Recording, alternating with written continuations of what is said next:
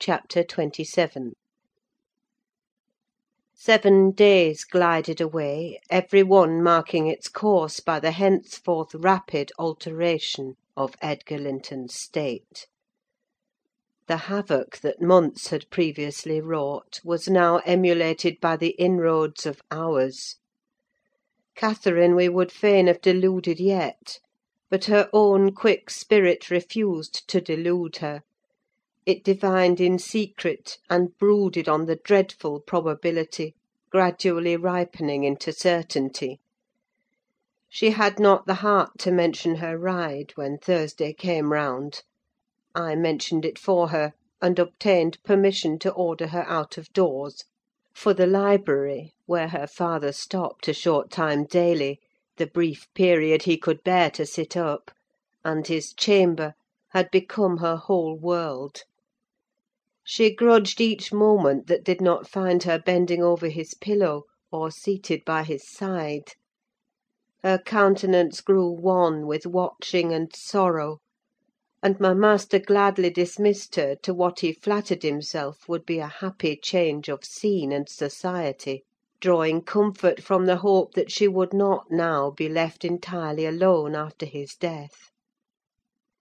He had a fixed idea, I guessed by several observations he let fall, that, as his nephew resembled him in person, he would resemble him in mind; for Linton's letters bore few or no indications of his defective character; and I, through pardonable weakness, refrained from correcting the error, asking myself what good there would be in disturbing his last moments with information that he had neither power nor opportunity to turn to account.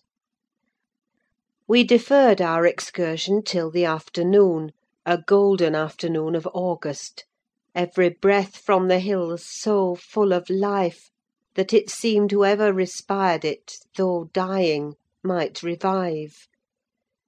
Catherine's face was just like the landscape, shadows and sunshine flitting over it in rapid succession; but the shadows rested longer, and the sunshine was more transient; and her poor little heart reproached itself for even that passing forgetfulness of its cares.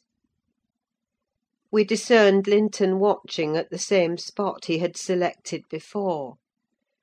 My young mistress alighted, and told me that, as she was resolved to stay a very little while, I had better hold the pony, and remain on horseback. But I dissented: I wouldn't risk losing sight of the charge committed to me a minute; so we climbed the slope of heath together. Master Heathcliff received us with greater animation on this occasion: not the animation of high spirits, though, nor yet of joy: it looked more like fear. "It is late," he said, speaking short and with difficulty. "Is not your father very ill? I thought you wouldn't come." "Why won't you be candid?" cried Catherine, swallowing her greeting. "Why cannot you say at once you don't want me? It is strange, Linton, that for the second time you have brought me here on purpose, apparently to distress us both, and for no reason besides." Linton shivered, and glanced at her, half supplicating, half ashamed; but his cousin's patience was not sufficient to endure this enigmatical behaviour. "My father is very ill," she said. "And why am I called from his bedside? Why didn't you send to absolve me from my promise, when you wished I wouldn't keep it? Come! I desire an explanation. Playing and trifling are completely banished out of my mind, and I can't dance attendance on your affectations now." "My affectations!" he murmured. "What are they? For heaven's sake, Catherine, don't look so angry. Despise me as much as you please: I am a worthless, cowardly wretch. I can't be scorned enough, but I'm too mean for your anger. Hate my father, and spare me for contempt. "Nonsense!" cried Catherine, in a passion. "Foolish, silly boy! And there he trembles, as if I were really going to touch him! You needn't bespeak contempt, Linton: anybody will have it spontaneously at your service. Get off! I shall return home. It is folly dragging you from the hearthstone, and pretending—what do we pretend? Let go my frock. If I pitied you for crying and looking so very frightened, you should spurn such pity. Ellen, tell him how disgraceful this conduct is. Rise, and don't degrade yourself into an abject reptile. Don't!" With streaming face and an expression of agony, Linton had thrown his nerveless frame along the ground: he seemed convulsed with exquisite terror. "Oh!" he sobbed, "I cannot bear it! Catherine, Catherine, I'm a traitor too, and I dare not tell you. But leave me, and I shall be killed.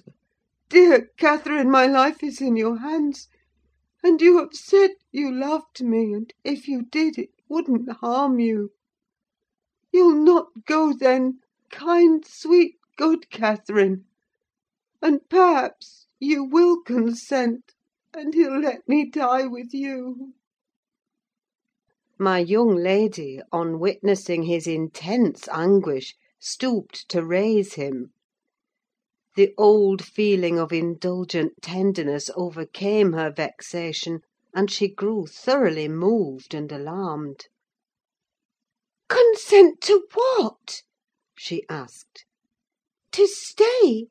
Tell me the meaning of this strange talk, and I will.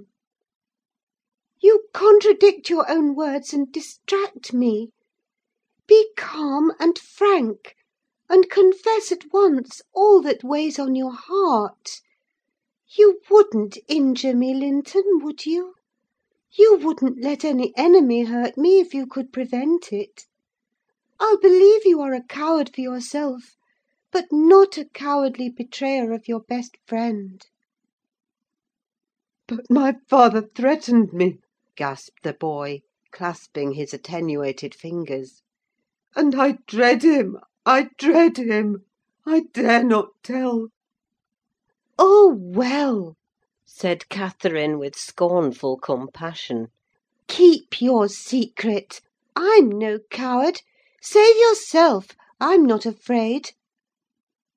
Her magnanimity provoked his tears: he wept wildly, kissing her supporting hands, and yet could not summon courage to speak out.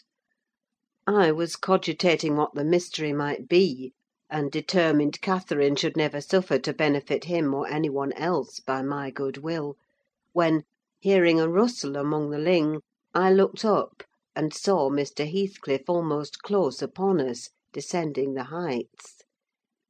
He didn't cast a glance towards my companions, though they were sufficiently near for Linton's sobs to be audible; but hailing me in the almost hearty tone he assumed to none besides, and the sincerity of which I couldn't avoid doubting, he said— "It is something to see you so near my house, Nelly. How are you at the Grange? Let us hear.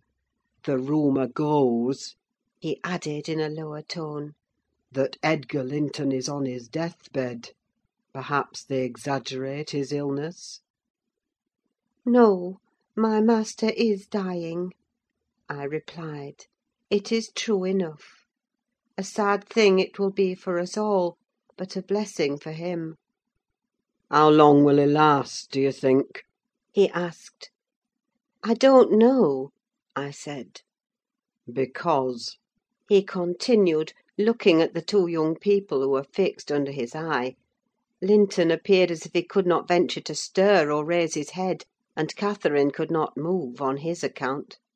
"because that lad yonder seems determined to beat me, and I'd thank his uncle to be quick and go before him. Hallo! has the whelp been playing that game long? I did give him some lessons about snivelling. Is he pretty lively with Miss Linton generally?" "Lively? No; he has shown the greatest distress," I answered. "To see him, I should say that instead of rambling with his sweetheart on the hills, he ought to be in bed, under the hands of a doctor." "He shall be in a day or two," muttered Heathcliff. "But first—Get up, Linton! get up!" he shouted. "Don't grovel on the ground there! Up, this moment!" Linton had sunk prostrate again in another paroxysm of helpless fear, caused by his father's glance towards him, I suppose: there was nothing else to produce such humiliation. He made several efforts to obey, but his little strength was annihilated for the time, and he fell back again with a moan. Mr. Heathcliff advanced and lifted him to lean against a ridge of turf. "Now," said he, with curbed ferocity, "I'm getting angry; and if you don't command that paltry spirit of yours—damn you! get up directly!" "I will, father," he panted. "Only let me alone, or I shall faint. I've done as you wished, I'm sure. Catherine will tell you that I—that I have been cheerful. Ah! keep by me, Catherine: give me your hand." "Take mine," said his father. "Stand on your feet. There now! she'll lend you her arm. That's right: look at her. You would imagine I was the devil himself, Miss Linton, to excite such horror. Be so kind as to walk home with him, will you? He shudders if I touch him." "Linton, dear," whispered Catherine, "I can't go to Wuthering Heights: papa has forbidden me. He'll not harm you. Why are you so afraid?" "I can never re enter that house," he answered. "I'm not to re enter it without you." "Stop!" cried his father. "We'll respect Catherine's filial scruples. Nelly, take him in, and I'll follow your advice concerning the doctor without delay." "You'll do well," replied I; "but I must remain with my mistress. To mind your son is not my business." "You are very stiff," said Heathcliff. "I know that; but he'll force me to pinch the baby, and make it scream before it moves your charity. Come, then, my hero! Are you willing to return, escorted by me?" He approached once more, and made as if he would seize the fragile being; but, shrinking back, Linton clung to his cousin, and implored her to accompany him, with a frantic importunity that admitted no denial. However I disapproved, I couldn't hinder her. Indeed, how could she have refused him herself? What was filling him with dread we had no means of discerning; but there he was, powerless under its grip, and any addition seemed capable of shocking him into idiocy. We reached the threshold; Catherine walked in, and I stood waiting till she had conducted the invalid to a chair, expecting her out immediately; when Mr. Heathcliff, pushing me forward, exclaimed, "My house is not stricken with the plague, Nelly; and I have a mind to be hospitable to day. Sit down, and allow me to shut the door." He shut and locked it also. I started. "You shall have tea before you go home," he added. "I'm by myself.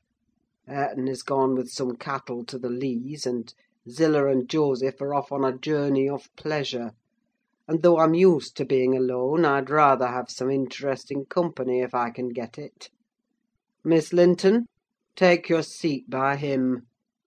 I give you what I have: the present is hardly worth accepting, but I have nothing else to offer. It is Linton, I mean. How she does stare! It's odd what a savage feeling I have to anything that seems afraid of me. Had I been born where laws are less strict and tastes less dainty, I should treat myself to a slow vivisection of those two, as an evening's amusement." He drew in his breath, struck the table, and swore to himself. By hell, I hate them! "I am not afraid of you!" exclaimed Catherine, who could not hear the latter part of his speech. She stepped close up, her black eyes flashing with passion and resolution. "Give me that key! I will have it!" she said. "I wouldn't eat or drink here if I were starving." Heathcliff had the key in his hand that remained on the table. He looked up, seized with a sort of surprise at her boldness, or possibly reminded, by her voice and glance, of the person from whom she inherited it. She snatched at the instrument, and half succeeded in getting it out of his loosened fingers; but her action recalled him to the present: he recovered it speedily. "Now, Catherine Linton," he said, "stand off, or I shall knock you down and that will make Mrs. Dean mad." Regardless of this warning, she captured his closed hand and its contents again. "We will go!" she repeated, exerting her utmost efforts to cause the iron muscles to relax; and finding that her nails made no impression, she applied her teeth pretty sharply. Heathcliff glanced at me a glance that kept me from interfering a moment. Catherine was too intent on his fingers to notice his face. He opened them suddenly, and resigned the object of dispute; but ere she had well secured it, he seized her with the liberated hand, and pulling her on his knee, administered with the other a shower of terrific slaps on both sides of the head, each sufficient to have fulfilled his threat, had she been able to fall. At this diabolical violence I rushed on him furiously. "You villain!" I began to cry. "You villain!" A touch on the chest silenced me. I am stout, and soon put out of breath; and what with that and the rage, I staggered dizzily back, and felt ready to suffocate, or to burst a blood vessel. The scene was over in two minutes. Catherine, released, put her two hands to her temples, and looked just as if she were not sure whether her ears were off or on. She trembled like a reed, poor thing, and leant against the table perfectly bewildered. "I know how to chastise children, you see," said the scoundrel grimly, as he stooped to repossess himself of the key, which had dropped to the floor. Go to Linton now, as I told you, and cry at your ease. I shall be your father to morrow: all the father you'll have in a few days, and you shall have plenty of that. You can bear plenty: you're no weakling. You shall have a daily taste, if I catch such a devil of a temper in your eyes again." Cathy ran to me instead of Linton, and knelt down and put her burning cheek on my lap weeping aloud. Her cousin had shrunk into a corner of the settle as quiet as a mouse, congratulating himself, I dare say, that the correction had alighted on another than him. Mr. Heathcliff, perceiving us all confounded, rose, and expeditiously made the tea himself. The cups and saucers were laid ready; he poured it out, and handed me a cup. "Wash away your spleen," he said, "and help your own naughty pet and mine. It is not poisoned, though I prepared it. I'm going out to seek your horses."